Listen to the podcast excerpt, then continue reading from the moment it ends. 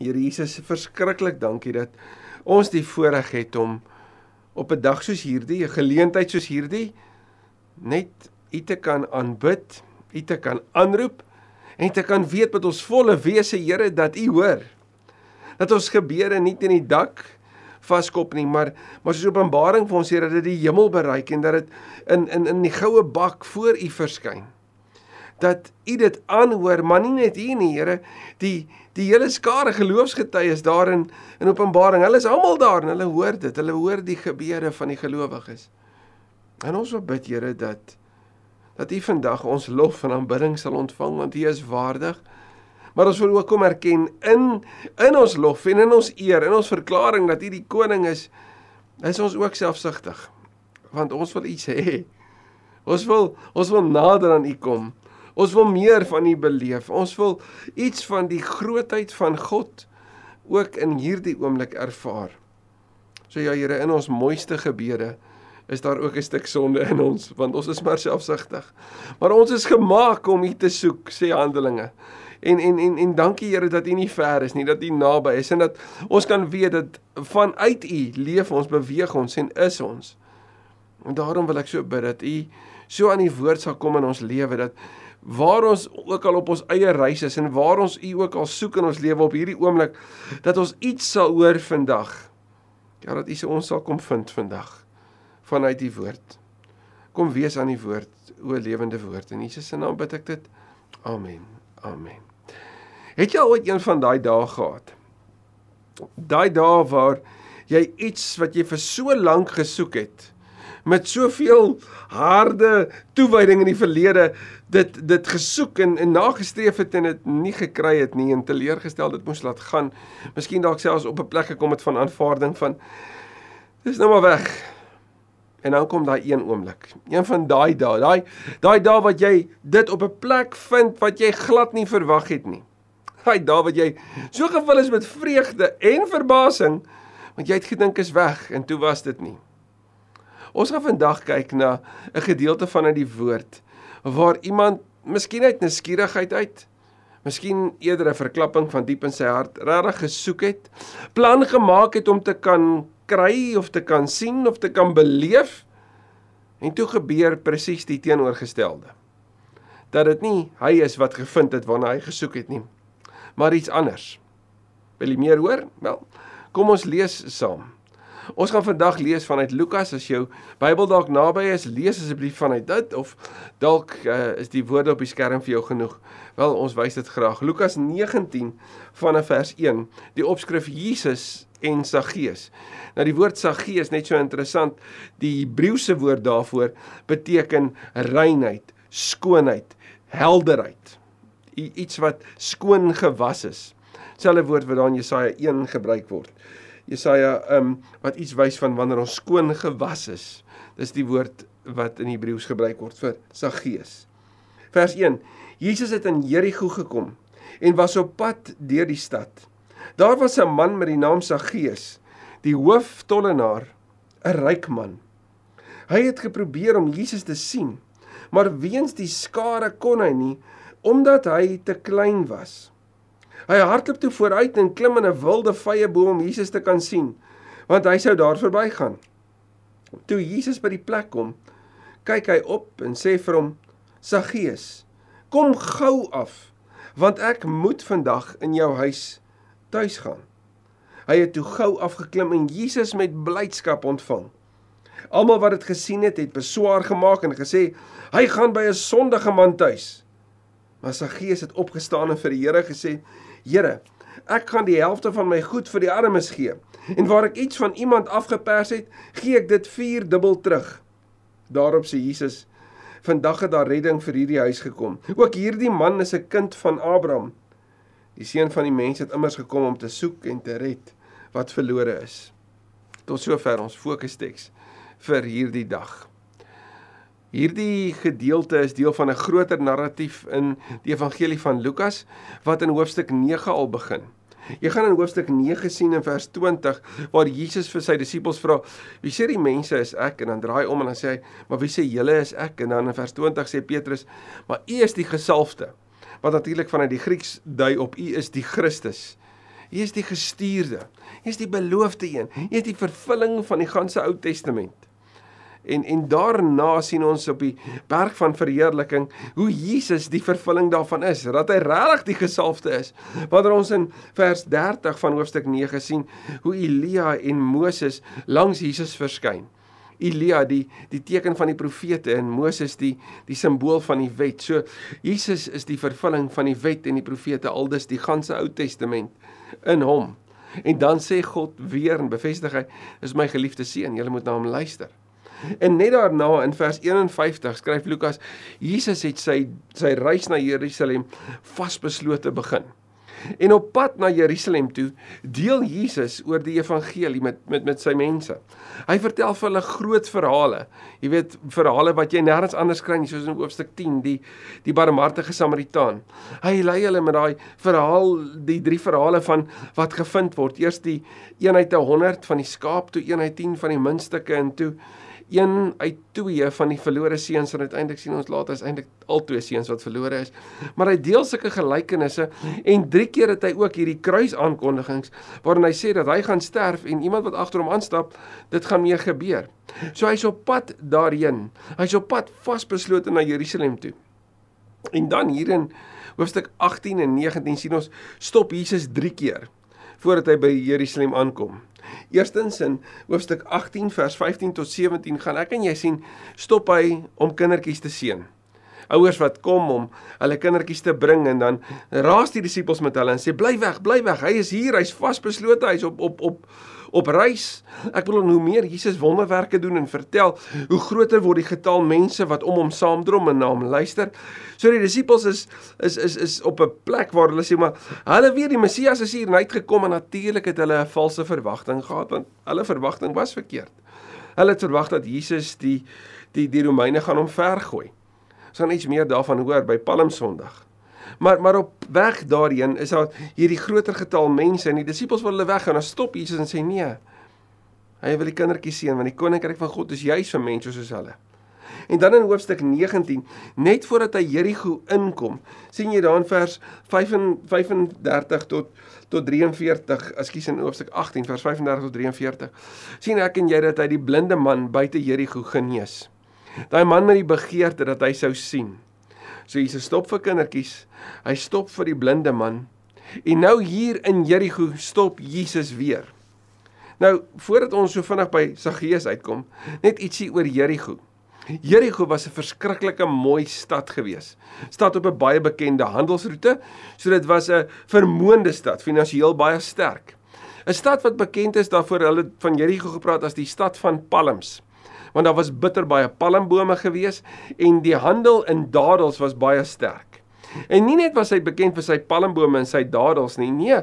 Jerigo was ook bekend daarvoor dat daar lanings en lanings van bome met balsam was.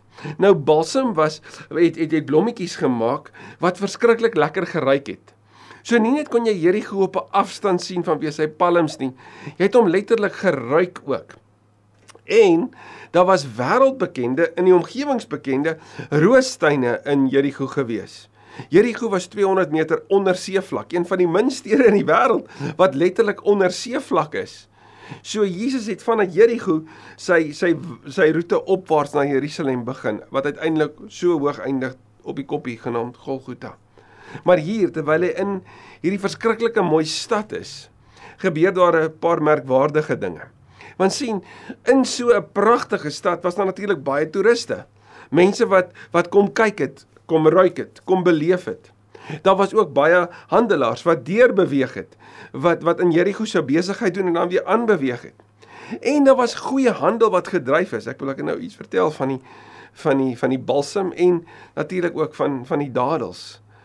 En en as daar baie vermoënde mense was, dan is daar vir die Romeine natuurlik 'n groot geleentheid gewees om geld te maak. So hulle tolhuise opgesit. En 'n tolhuis het so gewerk. As jy by hom verby beweeg het, dan moes jy tol betaal het, 'n persentasie van wat jy gehad het, moes jy gee wat na die Romeine toe sou gaan. Maar hulle het sommer van die Jode gebruik om vir hulle te werk. So die tollenaars was mense wat vanuit die Jode gekom het wat vir die vyand as dit ware die die mense wat hulle onderdruk, die onderdrukkers vir hulle gewerk het. So jy was eintlik gesien as 'n hand vir die vyand. 'n hand vir die onderdrukker. En wat die tollenaars ook gedoen het is hulle het hulle self van hulle, nie almal nie, het hulle self ook verryk daardeur. So hulle sou ekstra tol geëis het en dit in die sak geberg het. So korrupte tollenaars was ook bekend in daai omgewing. Maar gesien dat Jerigo so groot was en so sterk handel gehad het, moes daar natuurlik 'n hoof oor hierdie tollenaars gewees het. En 'n tollenaar in die Bybelse tyd was regtig iemand waarop die Jode neergekyk het. Dit was iemand waarop nie net die Jode neergekyk het nie, maar op hulle familie ook. Hulle was nie welkom in die vergadering van gelowiges nie, nie welkom by die sinagoges nie. So die tollenaar se vriende was ander tollenaars. Die tollenaar se vriende was ander waarop neergekyk was, soos soos prostituie of of die siekes, soos die malaatses of die blindes. Hulle moes hulle versamel met die heidene, want hulle was nie welkom tussen hulle eie mense nie. En een so tollenaar beskryf Lukas vir ons, sy naam is Saggeus. En ek het in die begin gesê hierdie woord Saggeus wat eintlik so ironies is. Want ek bedoel toe Saggeus gebore is, toe gee sy ouers vir hom die naam rein, skoon gewas, helder. Iemand oor wie jy trots is, nê? Nee? Ek wil dis wat hulle vir hom gee. En wat word Saggeus? Alsbehalwe helder, skoon en rein in sy omgewing. Hy word iemand waarop neergekyk is, wat verag is. En Lukas se benadering teenoor tollenaars is heeltemal anders as wat die Jode gedoen het. Hy het 'n baie positiewer kyk op hulle. Ek bedoel, wanneer Jesus verwys na na twee mense wat bid, dan sê hy daar's 'n Fariseer wat bid en 'n tollenaar wat bid. En wat sê die tollenaar? Here, wees my sondaar genadig. En wat sê die Fariseer? Ek is so bly ek's nie soos hierdie een nie. En dan sê Jesus, watter een gaan wanneer hulle klaar gebid het huis toe met die wete dat sy saak met God reg is? Here wees my sondaar genadig. Nie net dit nie. Jesus roep een van hulle, Leefie. Ons ken hom ook as Matteus. En hy roep hom en sê volg my en hy word een van Jesus se 12. So as deel van Jesus se groep is 'n tollenaar. En nou gaan Jesus en hy stop by 'n tollenaar. Nou Saggeus se se vorentoe hardloop Lukas beskryf dit. Hy was 'n kort ouetjie. so hy was letterlik iemand waarop mense neergekyk het, nie net omdat hy die hooftollenaar en die ryk man was nie. En ek bedoel, ons weet ons nou Joodse ouetjies is klein. Nou hy's nog 'n kort joetjie. Nou moet jy verstaan, nê? Nee? So hy hardloop vooruit. Nuuskierig miskien, maar hy wil iets van Jesus sien. En vanuit die wilde vrye boom kyk hy af met verwagting. Verwagting om iets van Jesus te beleef. Hierdie man wat jy in Jesaja 1 vers 6 mos nou sou lees, wat skoon gewas eintlik moes wees, is die wegkruiper wat daar aan die boom net koekeloer. En dan gaan staan Jesus, dis nou die derde keer, stop Jesus onder die boom.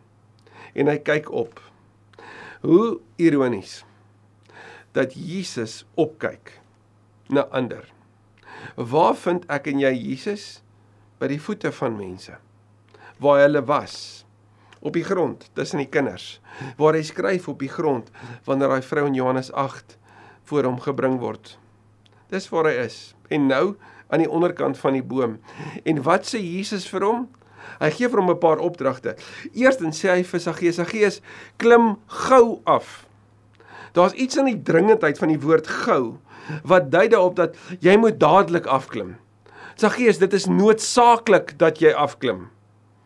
En en daar's iets anders van dit ook, 'n dieper betekenis vir jou en my. Om Jesus te ontmoet, moet ons afgaan, soos 'n Jona. 'n Jona het nie net afgegaan Joppe toe nie. 'n Jona is af in die skip tot onder in die skip. En nie net dit nie, Jona is toe in die see gegooi tot onder wat hy beskryf het as die fondamente van die aarde. En daar in die diepste diepste donker, daar ontdek Jona vir God. Ontdek hy God se goedheid. Lukas 10 in die donkerste laagste plek van 'n varkhok ontdek 'n seun, maar my pa is goed vir sy mense. Ek sal teruggaan en en ek sal ek sal gaan jammer sê. Wat beleef sa gees? Jy moet afkom.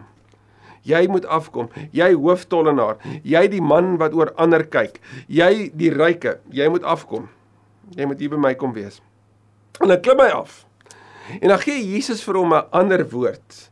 'n ander opdrag of 'n ander verduideliking wat wat iets vertel van die dringendheid van die oomblik maar iets vertel ook van God se plan op daai oomblik in Saggeus se lewe want Jesus sê ek moet vandag in jou huis tuis gaan. Nou in die Bybelse tyd wanneer jy by iemand gaan kuier het dit gesê wie jy is. So die mense saam met wie jy kuier, die mense saam met wie jy as dit ware as die tieners nou hier was sou gesê as dit saam met wie jy hang, sê verander wie jy is want jy assosieer met hulle. Jesus sê ek moet by jou huis tuis gaan. So ek moet gaan woon daar by jou. Nou weet ons Jesus is nie iemand wat wat bates gehad het nie. So hy hy was blootgestel aan die elemente en nou op pad na Jerusalem toe. Ek moet by jou kom kuier, Saggeus.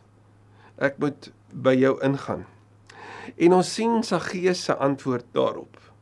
Ek wil eerstens sien ons hy het blydskap en jy sien dis nie Saggeus wat Jesus vind nie, maar Saggeus wat op daai oomblik deur Jesus gevind word. En wat gebeur? Onmiddellik is daar 'n hartsverandering. Jy sien eerstens dat hy bly is en tweedens jy sien dat hy vry is. Hy's vry van sy besittings en hy word oortuig om verandering te bring. sien die reaksie van sy ontmoeting van Christus en die reaksie van dat hy deur Jesus ontmoet is, verander sy lewe onmiddellik. Johannes 1 sien jy dat Nathanael het hierdie kritiek op mense van Nasaret. Hy sê dat kan daar enigiets goeds uit Nasaret kom en uiteindelik wanneer hy Jesus ontmoet, dan sê Jesus vir Nathanael: "Nathanael, ek het jou gesien." Ek het jou gesien. En Nathanael beleef hy word gevind, hy word gesien deur die Here. Ander beskrywing, hy is geken deur God. En dan beskryf hy Christus as die seun van God, die koning van Israel. Wanneer Paulus in Handelinge 9 in die opgestane Christus vasloop, dan word hy gevind deur Christus en sy lewe verander vir altyd. Die rigting, die fokus, die die doel, alles in Paulus se lewe verander. En wat sien ons in Paulus se lewe? Blydskap, Daarom sou hy die brief van Filippense skryf oor blydskap.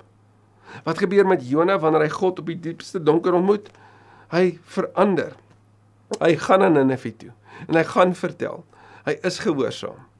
Want sien daar's iets van om God te ontmoet, sy genade te beleef en daaroor te getuig.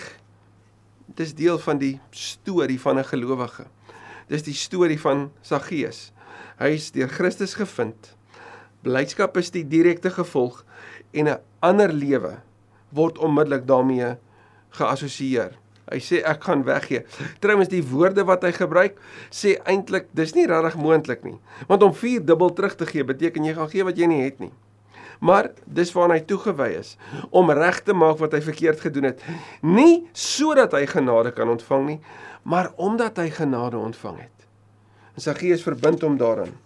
En ek dink Saggeus sou voortaan geken word as die mees veranderde man in Jerigo. En is so so interessant want soos 'n kindjie wat Jesus sê jy moet word toe hy eerste keer gestop het, klim Saggeus in die boom. En soos die blinde man het hy begeerte om te sien. Soos Saggeus, die een vir wie Jesus die derde keer stop, is die een wat beleef dat hy soos 'n kind moet aanvaar wat Jesus vir hom kom doen het. Dat hy sy oë moet oopmaak om Jesus regtig te sien vir wie hy is. En dan kyk die ander, die geestelike polisie as dit ware, die godsdienstpolisie. Die massas wat daar om Jesus was met hierdie verkeerde messiaanse verwagting. Dan kyk hulle neer en hulle sê, "Hoe kan hy saam met sondaars gaan kuier?" En Jesus se woorde is een eintlik 'n verdediging van sy gees. Hy praat namens sy gees. Maar maar aan die ander kant is dit van die mooiste beskrywings van die evangelie wanneer Jesus sê hy het nie gekom of hy het gekom om te soek en te red wat verlore is. Dis Jesus se woorde. En dis die opsomming van die evangelie. Maar dis ook Johannes 3 vers 17. God het nie sy seun na die wêreld toe gestuur om die wêreld te veroordeel nie, maar om die wêreld te red. sien Jesus sê ek het gekom om te soek en te red wat verlore is. So Jesus sê ek het gekom om jou te vind.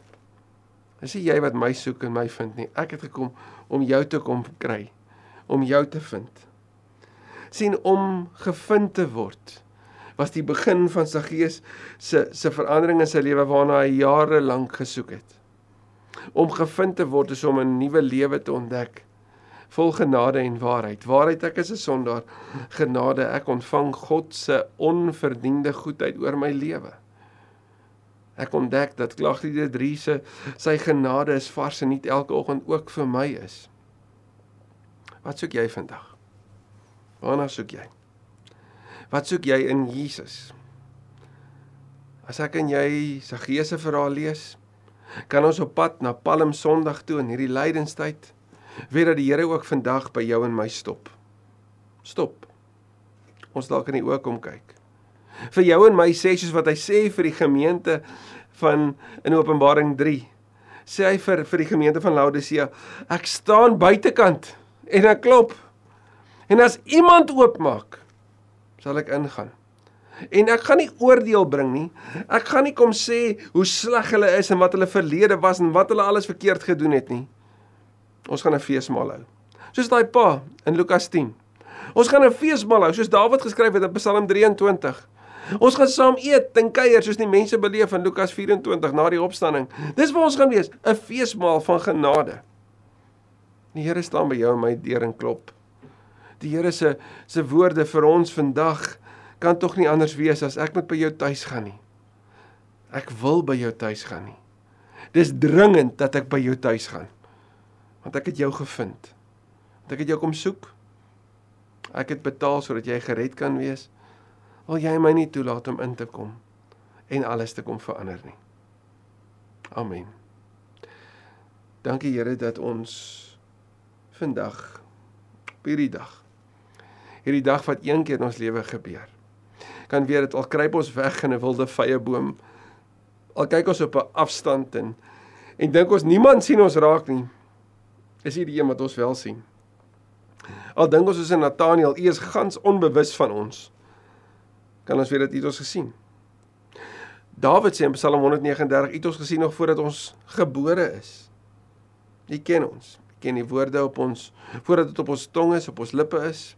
U ken die gedagtes in ons in ons denke wat niemand van bewus is nie. U weet van ons emosies, van ons skaamte, ons spyt, ons wegkruip dalk ons seer, skuldgevoelens, ons verlange, ons begeertes, behoeftes, U weet dit alles. Help ons om vandag net tot bedaring te kom. Help ons om vandag net regtig te stop en die klop te hoor. En mag ons in gehoorsaamheid daarop antwoord. In Jesus se naam. Amen.